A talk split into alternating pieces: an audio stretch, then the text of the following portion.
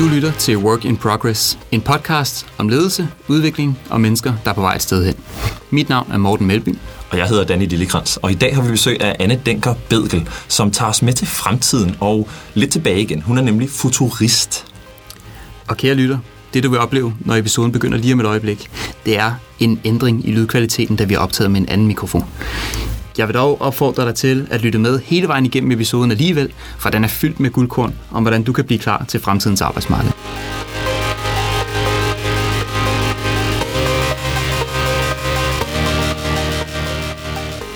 Anne, velkommen til. Tak. Jeg har simpelthen øh, glædet mig sindssygt meget til, at du skulle komme herind, fordi jeg selv har sådan en lille fantasi om, at jeg øh, interesserer mig meget for, hvad der sker i fremtiden, og prøver at gætte sådan på min egen lomme filosofiske måde. Men øh, det tror jeg, du er lidt bedre egnet til i hvert fald. Til daglig der er du øh, futurist hos øh, Instituttet for Fremtidsforskning, som Danny sagde. Og øh, instituttet er jo en non-profit øh, privat institution, som øh, hjælper virksomheder og organisationer med at tage de bedst mulige beslutninger i forhold til fremtiden. Så er du skribent i magasinet Scenario, som er et, I selv udgiver. Og vil du ikke lige fortælle, hvad du skriver om der? Jo, jeg, øh, jeg skriver om rigtig mange af de forskellige ting, vi laver. Det vil sige, at jeg forsøger at beskrive nogle af de emner, vi arbejder med, og nogle af de rapporter, vi udgiver, dem omsætter jeg nogle gange til artikelformat. Men så har jeg også min egen klumme i magasinet, hvor jeg skriver om, den hedder Sociotech, så det er nogle sociologiske aspekter af øh, en online-offline-verden, som efterhånden er smeltet fuldstændig sammen. Øh, så den er svær og svær at adskille. Altså, hvad foregår der online, og hvad foregår der offline? Det er jo langt, langt forældede begreber efterhånden. Øh, og så har jeg blandt andet skrevet om hvordan livestreaming både bliver brugt som underholdning og oprør, både i øh, USA, hvor man filmer øh, for eksempel uretfærdigheder, man kan se på Facebook Live, øh, hvis nu man ser nogle ting, man ikke er tilfreds med i samfundet, og i Kina bliver mere en underholdende form for livestreaming også øh, brugt som øh, oprør mod autoriteter. Så har jeg også skrevet om, hvordan øh, Øh, en af de allermest populære klummer, jeg overhovedet skrev om, handlede om, hvordan vi bruger kattebilleder til at stresse ned i en travl hverdag. Hvordan man går ind og ser på små nyttede ting på nettet og bruger dem til at øh, koble af og blive bare en lille smule gladere, udløse en lille bitte smule dopamin i hovedet øh, af at se et eller andet nuttet på nettet. Er der forskning på området? Ja, der er masser af forskning. På katteområdet? på, hvordan vi bruger øh, små nuttede ting er til lige at stresse ned. Det er i hvert fald noget, jeg ser øh, en masse folk bruger, også folk, jeg ikke vil have gættet på, øh, ja. brugt det på den måde. Faktisk apropos livestream, så kom jeg til at livestream 12 minutter fra min egen lomme i går øh, ved en fejr. Nå. Det var, det var faktisk ikke det fedeste oplevelse. Det var sådan lidt uh, underligt for mig. Var der, var der nogen, der stod det? Ja, så begyndte jeg at kommentere sådan noget. Øh, øh, velkommen til... Så gav de den titler og sådan noget. Nogle af mine, venner, nogle af mine gode venner selvfølgelig. Velkommen til live fra Mortens Lomme og sådan noget. Ja, det var lidt fint. Udover det... hvad du lavede. Ja, ja, ja. Ja, ja det er et godt spørgsmål. Ja. Hvad der egentlig kom ud af det. Jeg skynder mig at slette det. Uddannelsesmæssigt, så har du en baggrund som sociolog fra Københavns Universitet. Mm. Og så kunne jeg jo godt tænke mig at spørge her, Anne, hvad er en sjov ting eller interessant ting om dig, som man ikke lige kan læse i dit CV eller på din LinkedIn-profil? Ja, altså som du allerede ved, så har jeg jo næsten ingenting på min LinkedIn-profil, som jeg overhovedet ikke bruger. På den måde er jeg overhovedet ikke særlig fremtidsagtig. Nej, det var faktisk lidt svært. At... Ja, det var faktisk lidt svært overhovedet at komme i kontakt. Men øh, jeg tror, noget af det, som overrasker folk lidt, øh, det er, at jeg altid i næsten alle ting, jeg laver, og det skriver jeg hverken på mit CV, og siger ikke særlig tit til min chef, og så integrerer jeg små Star Trek-referencer ind i stort set alting, jeg skriver. Både i klummer og artikler og alt muligt andet sjovblade. Fordi dem, der opdager dem, er også Star Trek-fans, og de synes også, det er helt vildt morsomt. Så jeg har sådan, jeg i hvert fald. Jeg har sådan en lille kodesprog der. Ja. I er også meget officielle dokumenter, altså det indgår alle steder? Nej, nej, nej. nej. Og ikke mest, øh, mest ting, jeg selv står som byline på. Okay. Så øh, jeg til at underskrive dem, ellers ja. så, øh, så fik jeg vist bladet. Jeg synes, lytterne også skal vide, at du har en, en Star Wars t-shirt på i dag. Ja, med, det er Star Wars. Med Darth Vader. Ja. ja. Argumentet var, at du ikke ville se for konsulentagtig ud, når du ja. er på konsulentopgaver. Ja. ja det er jo helt klassisk overhovedet bare, det ikke skal... Ah, hvis nu man i virkeligheden laver noget lidt klassisk stereotyp, som folk har en masse forestillinger om, så kan det nok være lidt virkningsfuldt at lade være med at ligne den stereotyp. Ja, eller måske også bare have et eller andet på, som får folk til at huske dem. Og det er rigtig fint. Jeg vil egentlig gerne huske, for jeg har haft en Star Wars t på, der styrede lidt det selv. ja, det kan godt, det, det kan godt forstyrre lidt. Det oplever jeg i hvert fald også, at øh, ja. jeg, jeg er rimelig ung af en uddannelseskonsulent, hvis man læser på mit CV at være. Og det kan godt give sådan nogle ja, sjove øh, forstyrrelser nogle gange til de rum, øh, hvor jeg møder folk. Men øh, for det meste synes jeg det faktisk, det er godt. Mm. Hvordan, når man er futurist, hvordan ser en arbejdsdag så ud? Hvordan arbejder I, Anne? Ja, øhm, jeg tror nok, at jeg efterlever ret meget af det, som, som, som, vi, som vi kommer til at se lidt mere af, som er en af mine gode kollegaer på instituttet, Kenneth Mikkelsen, har skrevet en bog, der hedder Neogeneralisten, eller Neogeneralist, som er en ny måde at arbejde på, øhm, som i virkeligheden ikke er så ny, men som, som sætter et kæmpestort fokus på ekstremt tværfaglige kompetencer, på at alle ligesom... Øh, skal kunne meget forskelligt for at klare sig på en moderne arbejdsplads. Det her det står så i modsætning til specialisterne, som er den anden gruppe, vi kommer til at se meget, mange, mange flere af på fremtidens arbejdsplads. Altså flere neogeneralister, som kan alt muligt, og specialister, som er ekstremt dygtige inden for deres felt, og så bliver hyret ind på arbejdspladser. Men jeg er nok en neogeneralist på den måde, at jeg starter mandag morgen med at være med i en podcast og få lov at tale om øh, ting, som jeg brænder for, så skal jeg, på, så skal jeg nok være, en, en, være med til et mandagsmøde, som simpelthen ligner alle mandagsmøder på alle kontorer i hele Danmark. Så skal jeg skrive nogle fremtidsbilleder for en virksomhed. Det er det, jeg skal sætte mig til at gøre øh, i eftermiddag. Jeg er i gang med at skrive fire fremtidsscenarier for en virksomhed, vi arbejder for, hvor jeg ligesom skal forsøge at beskrive deres omverden mod 2030. Øh, Øh, det var en, en længere proces. Det er den sidste del af den her proces, jeg er i gang med her, hvor jeg har indsamlet øh, en masse oplysninger om deres omverden. Jeg har indsamlet en masse oplysninger om, hvad de tænker kommer til at påvirke deres virksomhed og deres område rigtig meget. Øh, hvad bliver særlig vigtigt øh, for dem i fremtiden. Det har vi lavet en masse workshops om, en række af workshops, og nu sidder jeg i den sidste fase og prøver at beskrive fire plausible, realistiske fremtidsbilleder for dem mod 2030. Og der skal også en del fantasi til. Og så i løbet af dagen, så skal jeg helt sikkert også tage telefonen, fordi der er nogen, der glemmer at gøre det, og jeg skal også sikkert sætte kaffe over, og i sidste uge, der gav jeg første skud på layout til en rapport, øh, fordi det kan jeg godt lide at gøre, og så kan grafikeren gå videre med det, øh, og ja, alle mulige forskellige små ting, og heller ikke nogen, der er for for små eller for store at gå i gang med. Og det gælder om at kunne komme lidt ud af sin comfort zone, både som, som futurist og som, som den her form for neogeneralist, jeg, jeg nok er, som der kommer lidt flere af. Mm. Det kommer jeg helt sikkert til at adoptere det der begreb, ja. fordi det lyder rigtig meget som min øh, hverdag også. Mm. Lidt, nogle gange laver man sådan nogle... Øh, selvstændige meget voksne beslutninger, en eller anden form for direktørbeslutninger, andre gange er det mig, der tømmer skraldespanden. Ja. Ikke? Altså, det er simpelthen, det kan skifte fra minut til minut. Ja. Og, øh, og jeg trives i det, ja. og kan lide det, og bliver glad for, at du siger, at det også har sin øh, plads i fremtiden. Den her måde at arbejde på i hvert fald. Ja. Når vi kigger på fremtiden, og i dit arbejde, når du kigger på fremtiden, starter det så om fem minutter, eller er der sådan en grænse, det starter først om fem år? Eller, øh, hvordan arbejder I egentlig? Sådan? Ja, vi arbejder faktisk rigtig systematisk med fremtiden. Øh, som jeg beskrev lige før, når vi skal lave, når vi skal hjælpe virksomheder med at lave scenarier, går vi rigtig metodisk til værks med nogle meget bestemte, strukturerede workshops, øh, som ender i de her fremtidsbilleder, hvor vi egentlig samskaber med en masse virksomheder, nogle, virkelig, nogle, nogle billeder, som ender med at blive realistiske for dem. Øh, der arbejder vi både med horisonter, kommer an på hvilken sektor man er i, er det teknologibranchen, så er det, så er det meget sjældent, det kommer over øh, tre år. Det kan også være fem år, eller 10 år, eller 20 år. Men i forhold til, hvornår fremtiden starter, kan jeg måske også... Jeg tænkte lidt over det derhjemme, vi talte lidt om det i telefonen, og øh, i virkeligheden, så de den måde, vi arbejder med fremtiden på primært, handler om at beskrive megatrends. Og megatrends er tendenser, som ingen kan gemme sig for. Det er de, det er de tendenser, som vi er fuldstændig sikre på vil fortsætte. Der er en hel masse ting, der er usikre med fremtiden, men der er i virkeligheden også en hel række af ting, altså 14, vi har i hvert fald 14 megatrends, som vi er helt sikre på vil fortsætte. Og det kan blive fortsat i forskellige hastigheder. Det er også nogle gange, så går det lige to skridt frem og et skridt tilbage. Men vi er rigtig, rigtig sikre på, at de her ting, de fortsætter. Og når man så spørger, om det, de starter i morgen, så kan jeg svare med, at de så i virkeligheden startede i går, eller de startede for flere 100 år siden, fordi noget af det her, der, der kendetegner megatrends, det er, at de har været i gang rigtig lang tid. Og de foregår på et globalt skala, og de har et ekstremt bredt øh, hvad hedder det, implikations... Øh, Øh, de rammer ja, de rammer, stort, de rammer stort set alle, og de rammer, uh, man, man kan ikke gemme sig for dem, tak. og det er for eksempel, hvis nu man skal komme med et eksempel på en megatrend, så har vi en, der hedder demografisk udvikling, og under den, der ligger både aldring og urbanisering. Og samfundet bliver ældre, det er også noget, der kommer til at kendetegne fremtidens arbejdsmarked og arbejdsplads rigtig, rigtig meget. Der kommer simpelthen til at bare være flere mennesker i en lidt højere alder.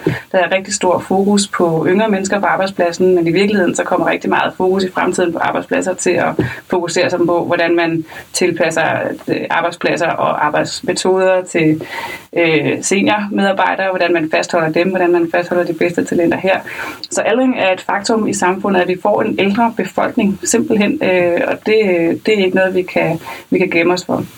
Samtidig så er der også urbanisering. Det er en af de allernemmeste at forstå, og derfor så har jeg den stort set altid med som et eksempel på en megatrend, at vi er rigtig, rigtig sikre på, at der er flere mennesker, der i fremtiden vil bo i byerne, end øh, der gjorde øh, sidste år eller for 10 år siden. For det har simpelthen været i gang i så lang tid, at at der skal rigtig meget til, for at den stopper sig. Nu taler vi på et globalt plan, men også i Danmark sådan set. Der er simpelthen bare flere mennesker, øh, som bor i byerne i morgen end i går, og det kommer ikke til at stoppe lige meget, hvilke megatrend eller modtrends vi kommer til at se, der, der stopper det. Det har været i gang i, i 300 år, eller måske har det været i gang i, i, i flere tusind år, hvis man sådan er rigtig fræk og taler om den her megatrend, som, øh, som fuldstændig noget, man ikke kan gemme sig for. Så gælder det så om at tilpasse sig i stedet for. Men det er sådan, vi arbejder med fremtiden. Uh ganske godt.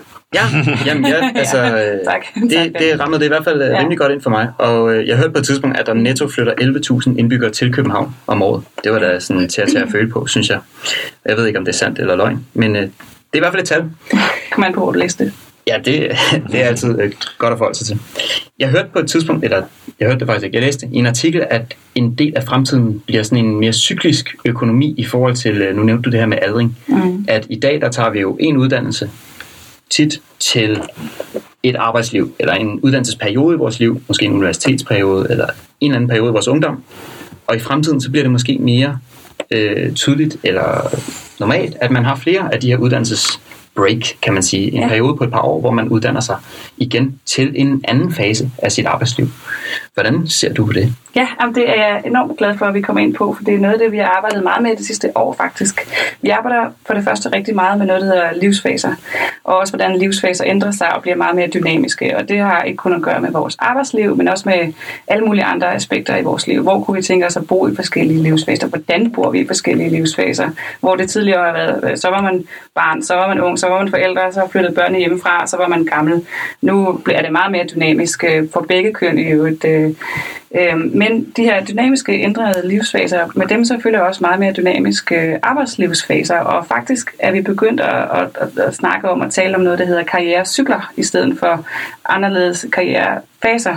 Fordi øh, det er ikke kun et spring fra et arbejde til måske lidt arbejdsløshed, noget uddannelse, et nyt arbejde. Det kommer også til at være et spring mellem øh, arbejde, øh, måske starter man sin egen virksomhed, måske har man en øh, lille smule uddannelse, mens man er på dagpenge, måske starter man en virksomhed med en anden, måske øh, finder man et helt nyt job, øh, måske øh, øh, tager man ud sejle i et år, hvilket også øh, bliver meget værdifuldt på, på CV'er i fremtiden. De der sådan helt fuldstændig clean breaks fra, hvad man altid har gjort, det tror jeg bliver en ekstrem værdifuldt i fremtiden at have nogle, nogle ting på, på sin CV og i, i sin livsforløb, som har udfordret en øh, fuldstændig øh, i forhold til ens øh, dagligdag, altså har sat nogle, en fuldstændig ud på sin comfort zone. Så nogle cykler, som inkluderer meget mere holistisk blik på livet og livsfaserne og hvordan vi øh, vælger at leve vores liv. Det bliver selvfølgelig ikke for alle. Der kommer til at være langt største delen af, bare for at være en rigtig kedelig futurist, øh, oh, som taler en lille smule ned. Ja, altså det er selvfølgelig ikke alle, det, der kommer til at leve de her meget spændende, dynamiske arbejdsliv i fremtiden, men det bliver øh, tilgængeligt for en meget stor del af os, og det bliver også tilgængeligt for, for begge køn, hvilket det er måske noget lidt mere tilgængeligt for det ene køn øh, i fortiden. Kan det passe, hvis jeg siger, at øh, jeg måske allerede lægger mærke til, at jeg har øh, familie i Jylland og kommer derfra, og hvis jeg siger, at jeg oplever nogle af de her ting lidt mere på nærmere hånd, nogle af mine venner gør det måske, mm. eller nogle af mine bekendte er begyndt at lave de her clean breaks, eller vi ser også, øh, synes jeg selv, en, en iværksætter trang, og ja. folk stopper deres arbejde for at prøve noget i en periode. Øh, og så når jeg kommer hjem og fortæller min familie i Jylland, at sådan her gør vi over i København, og folk de laver simpelthen bare, hvad de har lyst til. Sådan tror jeg, de synes, det lyder. Ikke? Men det kan de altså godt prøve at vende sig lidt til, måske. Ja, ja og ja, det, øhm, nej, er både og, og øh, nu er det lidt sjovt, jeg er fra Lolland, og jeg laver også den stemme, når jeg skal, når jeg skal fortælle om, hvordan jeg taler med min mor. Men, øhm, men nej, vi kan lige så godt bevæge os væk fra, fra forskellige øh, billeder på altså karrierestigen. Der er jo ingen af os, der har nævnt det her ord, men det begreb er jo allerede langt, øh, langt væk fra, om vi, om vi så kalder det en cyklus, eller om vi kalder det livsfase, eller alt muligt andet, så er der bare ting i samfundet, som er ved at wipe alle mulige gamle hierarkiske strukturer ud på alle mulige punkter. Og det sker selvfølgelig, ligesom alle mulige andre tendenser, øh, i, i, i forskellige hastigheder. Og der er det her, hvis nu man skal nørde en lille smule ud med William Gibson citatet om, at fremtiden er her allerede, den er bare ikke lige lidt fordelt, øh, siger han. At det vil sige, at mange af de tendenser, det er jo sådan, gerne man arbejder med en masse fremtidsforskning, og man observerer tendenser, der er allerede i gang, og så laver man sådan en vurdering af, hvilke vil intensiveres, intensiveres hvilke vil udbredes. Øh, så øh, jo, det, det kan godt være, at de skal vende sig til en lidt mere dynamiske måde at leve på i Jylland, men det er jeg sikker på, at det øh, har de slet ikke nogen problemer med. Det er nok måske lidt smule mere en aldersting, øh, snarere end det er en geografisk ting, hvis nu man skal, man skal aldrig sige noget om Jylland. I, Nej, det skal man ikke. Altså, der er heller ikke så meget at sige, synes jeg ikke. Men øh, det var bare lige noget, jeg havde set, og ja. det står selvfølgelig for min observation. Er det, vil det typisk være neogeneralisterne, som tager den her, måske det her clean break, eller, fordi jeg tænker, specialisten har brug for at fordybe sig, for at blive dygtigere og dygtigere og dygtigere og dygtigere, for til sidst at være ekspert inden for et eller andet område. De kan jo ikke bare sige, nu vil jeg være ekspert i noget helt andet, fordi det kræver mange år. Det er et godt spørgsmål, fordi jeg tror, det kommer til at være for, for begge grupper, og vi bliver meget mere individualiseret, end vi tror. Det er jo også en megatrend, jeg tror slet ikke, vi har set grænserne for det. Så der bliver simpelthen så mange måder at strikke sit arbejdsliv og sit karrierecyklus eller livs karrierefase sammen, end vi overhovedet kan forestille os. det, der er med specialisterne, det, det, det vi regner med at kommer til at ske med den her gruppe på arbejdsmarkedet, det er, at de bliver mm, en, en lille smule mere fritstillet end neogeneralister, som nok har tendens til at være lidt mere fastansatte, hvor specialister vil arbejde sammen i nogle netværk i, og lidt mere integreret i den her gig economy, når den kommer, øh, øh, som, og vi kommer til at se mange flere projektbaserede ansættelser, så vil det være øh, generalisterne, der står for det. Og jeg tror, øh, at man så vil kunne arbejde rigtig meget en periode alene eller sammen med andre, øh, og så vil man måske også have tid til at tage lidt, øh, lidt, lidt, lidt tid fra, altså at, at gøre, hvad man har lyst til, hvis man har brug for en rigtig lang ferie, eller man har brug for at tage sin laptop med til en sydhavsø og sidde og arbejde derfra eller noget den stil. Ja, så de vil i højere grad ja. lave, lave de her clean breaks måske, ja. men ikke øh, shuffle så meget rundt på arbejdsmarkedet, fordi de ligesom beholder sig inden for et felt. Er det det, man kan sige? Mm, ja, det kan måske godt være. Det kunne jeg bare godt forestille mig. Jeg mødte ja. på Zanzibar ja. for fire år siden, så mødte jeg en gut, som arbejdede på, på Linux, og han sad over i sofaen, og så sagde han, åh, øjeblik, jeg har lige et møde. Ja. Og så gik han væk 10 minutter og havde øh, et, et møde med nogen i hele verden, og der boede han og levede. Ej. Jeg har en kollega. Det er altså ikke dårligt. Nej, det var fantastisk. Jeg har en kollega på kontoret, han siger, at hans perfekte arbejdsliv, det er tre uger så hårdt fordybelsesarbejde i noget, han elsker, og så en uges ferie. Eller en uges anden aktivitet. Sådan kunne han godt forestille sig at leve sit liv. Ja. Øhm, Jamen det, det kan sagtens være, og som vi også talte om lige inden vi gik i gang her, så, så, øh, så er det jo nok i virkeligheden også arbejdsgiverne, hvis de virkelig vil tiltrække nogle af de her talenter, som er særligt dygtige, som skal tilpasse sig nogle af de her øh, krav og ønsker og drømme, som mange af de særligt dygtige kommer, kommer med. Så ja, må det, man acceptere det. Ja, ja lige nu, det fik mig til at tænke på, hvad er det for nogle megatrends som virksomhedsledere, fordi de er måske dem, som er lidt op i alderen klassisk, hvad er det for nogle megatrends, de ikke er bekendte med, men som de bliver nødt til at indse? Er der nogle af dem? Ja, jeg tror, at der er slet ikke, der, jeg tror, der er en del virksomhedsledere, men nogen har selvfølgelig, men der ikke har indset graden af individualisering i forhold til, hvordan man skal behandle sine medarbejdere. Og det, øhm, der er stadig mange, der laver mus-samtaler på fuldstændig samme måde, hvis nu vi skal holde os lidt ind her. Altså måske sidder de med en skabelon, de skal stille det spørgsmål, det spørgsmål og det spørgsmål. Ikke? Som i virkeligheden jo lyder lidt banalt, når man siger det højt på den måde, at øh, sådan burde man måske ikke behandle sine øh, medarbejdere. Og så er det også, at vi øvet alt sammen i marts måned, og lønforhandling foregår også efter samme øh, principper. Øh, så der er en grad af individualisering, som man slet ikke har indset endnu. Øh, så er der også, som vi talte om før, aldring. Altså der er simpelthen for meget fokus og og, og, og altså ikke for meget, men øh, der er i hvert fald øh, for lidt fokus, måske kan jeg formulere det på den her måde, på hvordan man skal fastholde og dygtiggøre de lidt ældre medarbejdere. Det er dem, man kommer til at skulle øh, have mange flere af på sin arbejdsplads, og skulle, det er dem, man skal fokusere på at fastholde og gøre glade og sørge for, at de stresser så, så lidt som muligt, mens øh, de er i deres øh, slut 30 og 40 og 50'er, sådan så de kan holde længe på arbejdspladsen og blive ved med at, at arbejde lidt længere, end de måske, øh, man måske måske kan gøre, hvis man har været meget, meget stresset i løbet af sit arbejdsliv. Øhm, I stedet for at fokusere på de meget yngre, de yngre medarbejdere, som i virkeligheden måske ikke bliver på arbejdspladsen specielt længe, og i øvrigt også de yngre generationer. Jeg er fra 84, øh, og det er den mindste generation, øh, en af de allermindste generationer i Danmark overhovedet, så hvorfor skal der være fokus på nogle af de yngre generationer, når i virkeligheden er nogle flere ældre og dygtige medarbejdere? Så aldring synes jeg slet ikke, at virksomheder har indset øh, potentialet i, mm. og jeg synes heller ikke, de har indset potentialet i ekstrem individualisering. Jeg tror, man kan få meget mere ud af det. Vi er jo medskyldige i det der millennial fokus. ja. Altså det kan vi godt lide at tale om, men ja. jeg synes faktisk, det giver rigtig god mening. Det er ret få mennesker, og der er nogle ting, der taler lidt væk fra, at øh, man kan behandle dem, som du siger, ikke individualiseret. Altså ja. de unge og de overhovedet det her med at tale om dem som en generation, så vidt jeg har forstået med de her generationer, så giver det mening at tale om dem, når de har nogle kraftige fællestræk, ikke? så man kan behandle dem som en eller anden form for ja. masse. Men hvis de alle sammen har individuelle særtræk og ønsker og sådan noget her, så er det jo nok mere der, vi skal kigge hen øh, individualiseret i fremtiden, i stedet for at prøve at behandle dem alle sammen ens, når de i forvejen vil tusind forskellige ting. Det Ja. det er fedt som en til læring, ja, den sådan bliver udfordret og opdateret ja. igennem livet, ikke Danny? Ja, det er det virkelig. Det er det gode ved det her rum, Men det er ikke nemt, tror jeg. Det kan vi godt love. Nej. Hvilke dele ser du sådan, hvis... Nu hopper jeg et helt andet sted. Det er. I forhold til brancher, hvad for nogle brancher beskæftiger en stor del af os i fremtiden? Hvad for nogle vokser? Hvad for nogle skrumper, sådan som du ser det, i forhold til det at være dansker i dag? Og den, øh, det, er, det er svært. Altså man siger jo, at de næste brancher, der står for, altså de faglærte, kan jo nok godt øh, begynde at se sig om efter et nyt arbejde. Desværre, så kommer der jo ikke til at være særlig mange, hvis nu man skal tale om mm, mere øh, uddannelseskompetencer snarere end brancher, øh, men hvor mange produktionsbrancher nok er ved at blive automatiseret.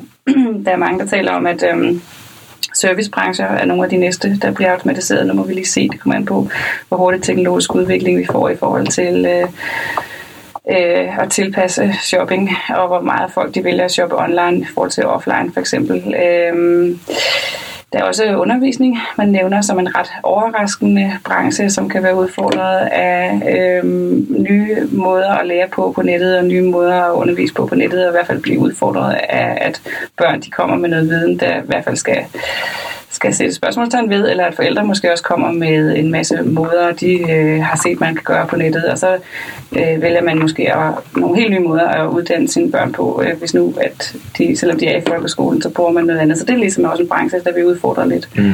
Øhm, men ah, det er lidt svært at sige. Selvfølgelig, selvfølgelig er det svært, og det er også det er derfor, vi har inviteret dig, for jeg kunne godt sidde og gætte, men det var nok ikke uh, ramt i de samme uh, emner, må jeg sige. Det var ikke ramt i de samme emner? Ja, måske ikke. Nå, men uh, i hvert fald, hvis jeg nu skulle forberede mig, så Ja. Hvis vi skal prøve at tage den lidt derover. Nu tager vi ned til mig. Hvis jeg skulle forberede mig lidt på fremtiden, hvad for nogle ting vil så være fornuftigt for mig at dygtiggøre mig indenfor? Hvad skal jeg kunne mere af i fremtiden, tænker du?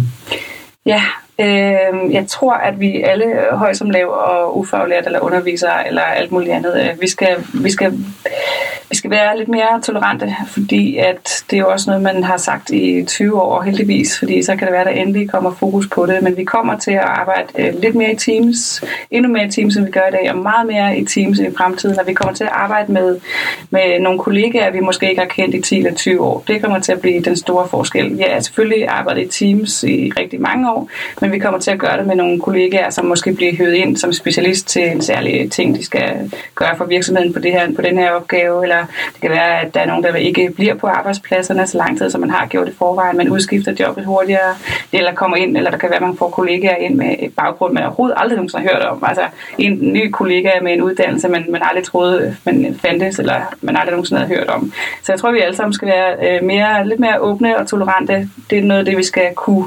Øh, jeg ved ikke, hvor vi lærer det hen. Øh, jeg tror ikke, det bliver et fag på hverken universitetet eller i skolen, men jeg tror, det kan være noget, arbejdsgiverne kan fokusere på at lære deres medarbejdere. Jeg tror, der bliver meget mere øh, fokus på teamoptimering øh, på arbejdspladser på den måde, at øh, du siger, hvad skal du uddanne sig som? Men jeg tror faktisk, at arbejdsgiverne vil indse, at der skal tages noget ansvar i forhold til noget project management. Øh, meget mere fokus på det, noget meget mere fokus på, hvordan man får alle medarbejdere til at klare sig bedst i de teams, de arbejder i. Jeg tror også, at der bliver meget mere fokus på, øh, på sundhed inden for teams øh, og inden på, på arbejdspladserne. Der kommer til at være et meget mere holistisk øh, øh, billede på, hvad et sundt menneske er. Der skal man både have det sundt i sin fritid, både i, man ikke skal stresse, man skal øh, være sund på alle mulige andre måder, men også det kommer til at indbefatte, hvordan man har det på arbejdspladsen. Det er meget forældet, og det bliver adskilt. Det ved jeg godt, det var en lille bitte smule øh, sidespor, men jeg tror mere, øh, i fremtiden så bliver der en meget mere integreret øh, billede af, hvad vi skal kunne, og hvad, hvordan vi har det godt på arbejdspladsen, og hvordan vi skal klare os på arbejdspladsen. Det kommer til at blive et meget mere holistisk øh, øh, vision af en sammenblanding mellem arbejdsliv og fritid, som vi næsten ikke engang har set med til endnu. Altså work-life integration, som man begyndte at sige for hvad, 7-8 år siden, eller mere det har vi slet ikke set med til endnu. Mm. Jeg tænkte på, øh, nu kommer, jeg prøver at lave et lille paradoks her, ja. i forhold til de her, det her med at være mere åben og, og omfattende i de her teams, altså der kommer til at være større dynamik, mm. kommer det så til at stille, hvad kan man sige, større krav til vores sociale kompetencer, fordi vi oftere, eller måske hurtigere, skal få nogle produktive relationer op at køre i de her teams? Eller kommer det til at være mere ligegyldigt, fordi det alligevel skifter hurtigere ud? nej, Hvad tror nej. du?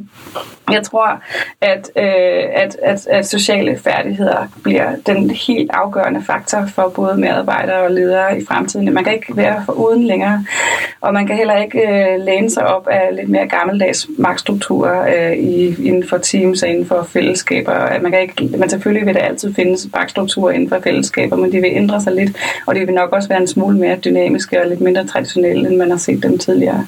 Og det er dem, man skal kunne tilpasse sig. Mm. Så i virkeligheden så handler den her tolerance, vi talte om før, tilpasningsdygtighed. Den handler om at tilpasse sig, hvordan man bedst arbejder i det her teams. Der er mange, meget få mennesker i teams og på arbejdspladser, som, som er, ikke er interesseret i at gøre et godt stykke arbejde, øh, eller og dog nogle, nogle undersøgelser vi alligevel, viser alligevel, at folk er lidt ligeglade med, nogle folk er ligeglade med deres arbejde, men, men langt de fleste mennesker må man gå ud fra gerne vil lave det bedste, løse opgaven bedst muligt, have det bedst med sine kollegaer samtidig.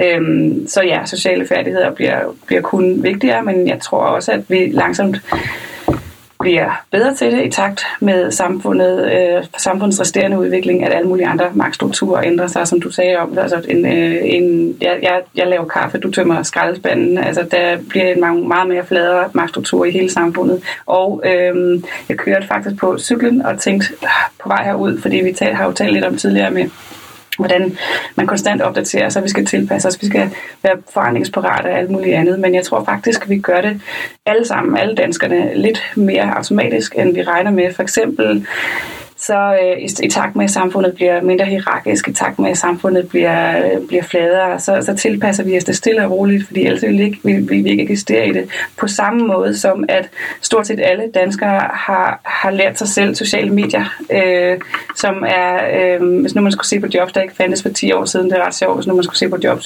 der kommer om 10 år, så er der sådan noget som, som social media manager, var der ingen, der anede, hvad var for, for ganske, for, bare for 10 år siden, så var det fuldstændig underligt, og nu er det noget, som alle virksomheder stort set har, eller alle skal kunne.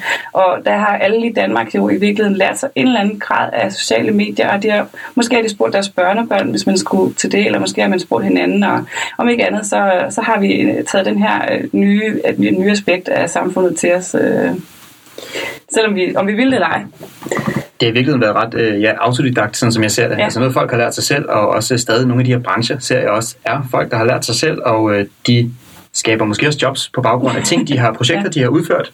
Altså mere end at jeg har læst social media manager på ja. X Institut. Der tror jeg også bare, at tolerance er sværere, ikke? fordi ja. der er ikke gamification på samme måde. Der er ikke det der, at du lige får lidt dopamin skudt ind i hjernen, hvis du ser en kattevideo mere. Altså, du får ikke et skud dopamin, ja. hvis du lige er lidt tolerant over for Torben, som bare er lidt mærkelig.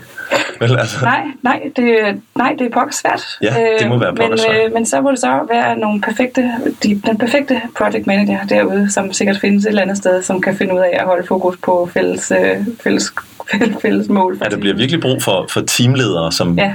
på en eller anden måde kan, kan facilitere ja. øh, gruppedynamik. Altså, ja. Et nyt begreb, jeg har hørt om, er teaming. Teaming? Teaming, som ja. går fra, at øh, de her lang, langtidsvarende teams, så er teaming, det er det, at man sætter sig sammen i en kort periode.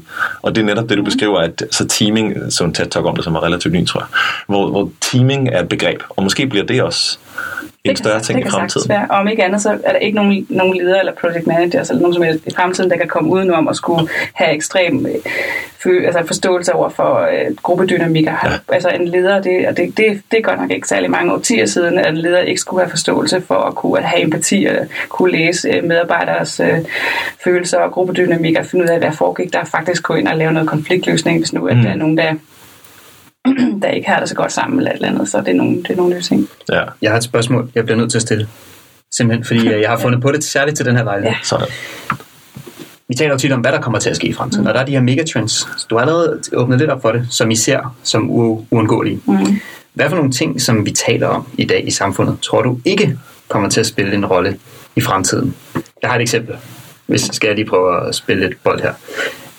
På et tidspunkt for nogle år siden, så kom der en hel masse af de her plasma-fjernsyn med 3D-briller. Og alle skulle have en 3D-funktion og sidde med briller i deres stue og sådan noget der. Og det medie, det vandt ikke rigtig indpas. Nu er man gået lidt mere over til nogle fulde øh, virtual reality løsninger og sådan noget. Det var sådan en ting, der kom lidt frem, men som ja, jeg ser det i hvert fald ikke så tit i øh, Elgigantens øh, tilbudsavis.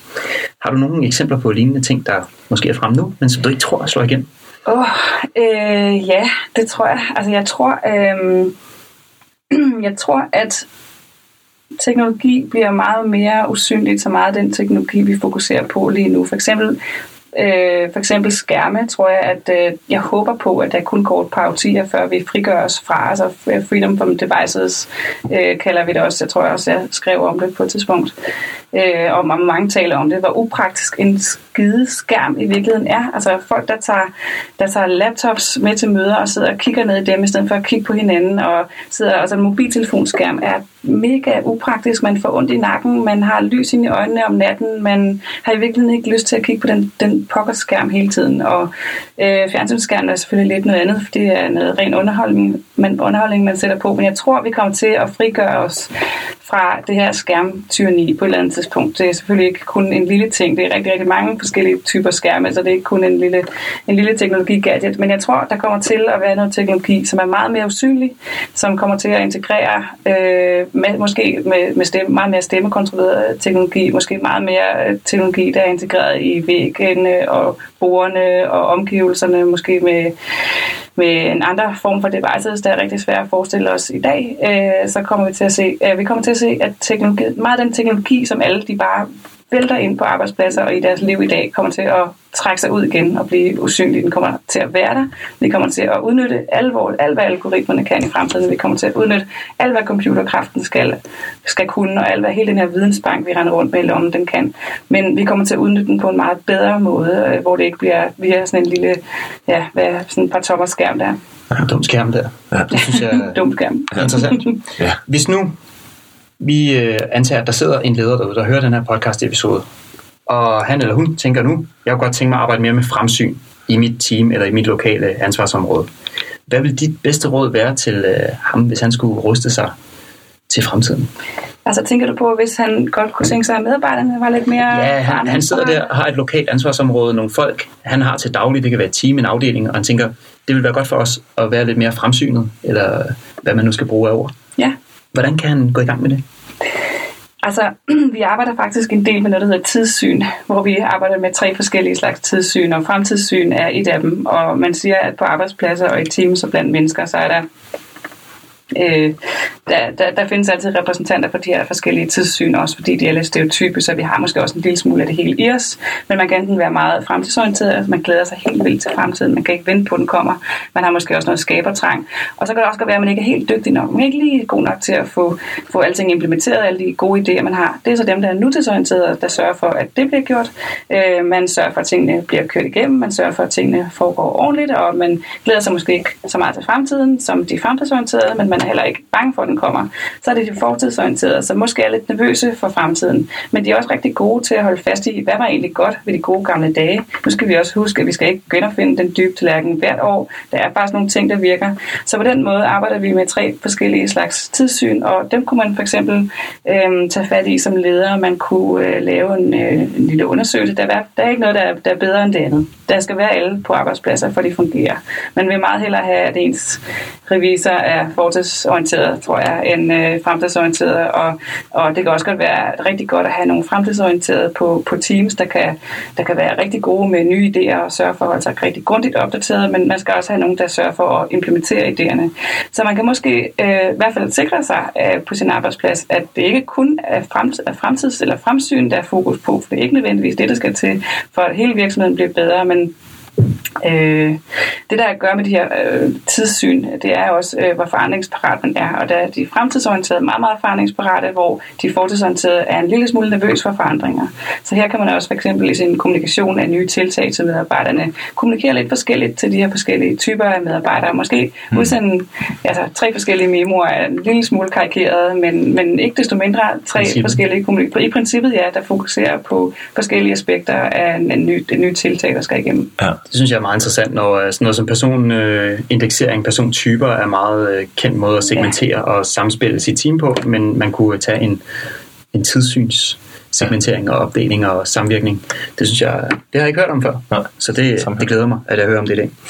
Vi skal til at samle op. Vi er simpelthen nået dertil ja. allerede. Det er flot sted. Ja. Og Danny, hvad, hvad tager du særligt med fra i dag? Jeg synes, det der måske er, det er nok mest kendt inden for fremtidsforskning, men måske også det, der bare var, var bedst at få slået fast, det er det her med megatrends. Altså, der er bare ting, vi ved, der sker. Ja. Og en af dem er individualisering. Ja. Så hvis man skal snakke om øh, min egen rejse som individ, eller øh, lederen og organisationens rejse, så er det bare bevidstheden om, at individualisering sker og det er i gang allerede.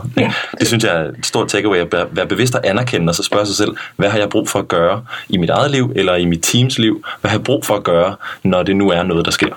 fordi sådan kan vi tiltrække medarbejdere, sådan kan vi arbejde bedre sammen. Øhm, og så synes jeg, det er interessant det her med de specialisterne og neogeneralisterne, at det bliver måske to øhm, store grupperinger, man kan lave i fremtiden.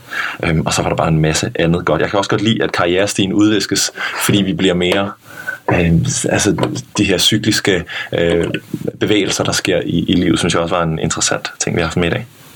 Jeg synes, øh, noget af det fedeste var det her med, at øh, fremtiden ikke er noget, der starter på et eller andet tidspunkt. Altså det er en bevægelse, der er i gang, som vi bliver nødt til at kigge ind i, hvis vi gerne vil blive lidt klogere på, hvor vi går hen af. Så skal vi måske kigge lidt på, hvor, hvad for nogle to skridt har jeg lige taget, øh, i stedet for at sidde. Sådan har jeg i hvert fald tænkt på det øh, tidligere. Det er også derfor, at sådan noget som fremtidsforsker har været svært for mig at definere, fordi hvordan gør man, hvis man skal forholde sig til noget, der først sker senere. Men det har været fedt for mig at få indblik i, at det er ikke sådan, det virker. Det er jo ikke rent familien Jetson og, og gætte rigtig langt ud i fremtiden, Nej. uden at kigge på, hvor vi kommer fra. Det er faktisk noget, der sker. Har du en ting, Anne, du gerne vil øh, slå hovedet på sømmet øh, med her til sidst? Eller? Øhm, Nej, ja, det er jeg faktisk ikke. Nej, det er også helt... Jeg synes virkelig, vi har været godt omkring. Ja, det synes jeg også. øh, er der noget, jeg synes, jeg er virkelig imponeret over, hvor godt jeg har forstået, jeg, hvad jeg har sagt. Altså, jeg er næsten helt, øh, helt rørt. Det er rigtigt. Ej, det er godt, vi kan levere. Det, det er en tryk ja. lang dag. Vi er gået bevidst over tid, fordi det har været så Nå, spændende. Ja, ja. for pokker, det. Så derfor må vi at sige tak for det, og mange tak, fordi du vil komme her ind i det varme studie, som øh, lytterne godt ved, vi har. Tusind tak for det, jeg måtte komme.